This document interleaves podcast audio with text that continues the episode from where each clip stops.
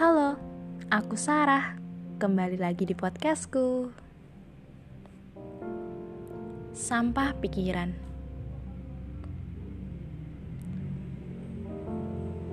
Aku berdiri di ambang cerita dari pikiranku sendiri. Awalnya rumit sekali mencari ujungnya untuk disampaikan. Maka orang-orang bilang padaku tulis saja apa yang ada di pikiranmu. Kemudian aku menulis ini, menyuarakan ini mengurangi sampah-sampah tak kasat mata, tapi seperti berserakan di dalam pikiranku. Hmm, mulai dari mana ya? Sebentar. Menarik benang kusut itu tidak mudah. Ukurannya kecil, memanjang, dan tak beraturan.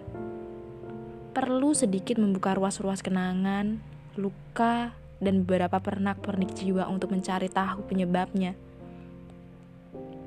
Aku menarik pelan-pelan. Jadi mari dengarkan dengan hati yang lapang. Aku tidak akan memaksamu memahami suara siaran ini. Hanya saja, mungkin kamu hendak memeriksa diri. Oke, pertama, kerumitan pikiran seseorang itu tidak bisa diukur berdasarkan skala masalahnya saja. Aku mengatakan itu iya, bahkan Orang yang jauh dari masalah sepertiku pun memiliki sampah di dalam pikiranku yang membuatku kacau. Aku pernah membentak semua orang, memaki ke sana kemari, menyalahkan apa pun, berbicara kasar dan menyakiti perasaan orang terdekat.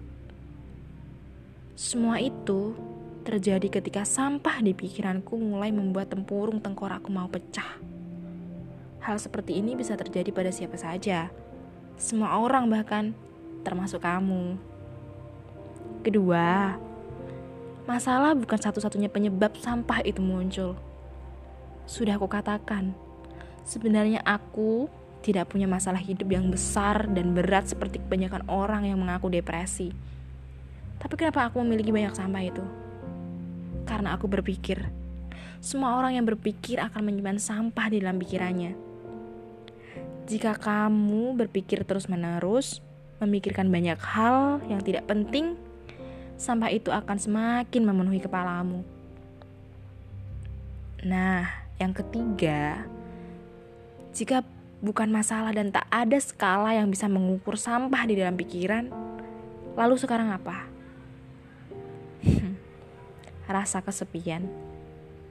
Ya, aku mengatakan kesepian di nomor ketiga karena ini adalah hal yang menurutku paling mungkin menyebabkan pikiran mencapai titik terjauhnya. Sampai menimbulkan sampah dan tidak bisa kembali untuk menguraikan sama-sama itu. Nomor tiga ini kadang-kadang adalah yang paling membunuhku sih. Rasanya dunia seperti mati suri. Tak ada suara, tak ada bicara, tak ada pariwara.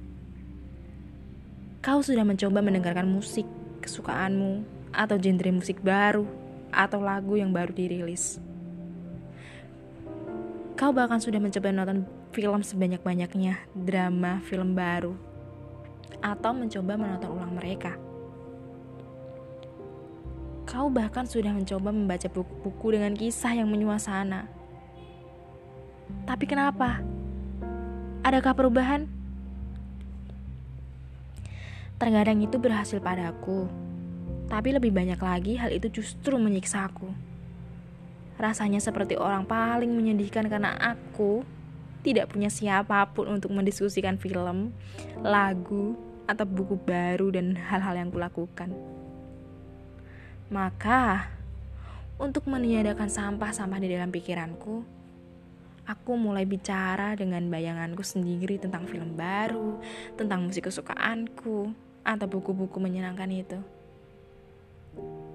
Sejak umur lima tahun, jika aku ingat, aku sudah mulai berbicara dengan diriku sendiri seolah aku memiliki orang lain di dalam diriku. Rasanya seperti ada berbagai aku yang siap mendengarkan semua sampah yang kukatakan dari pikiranku.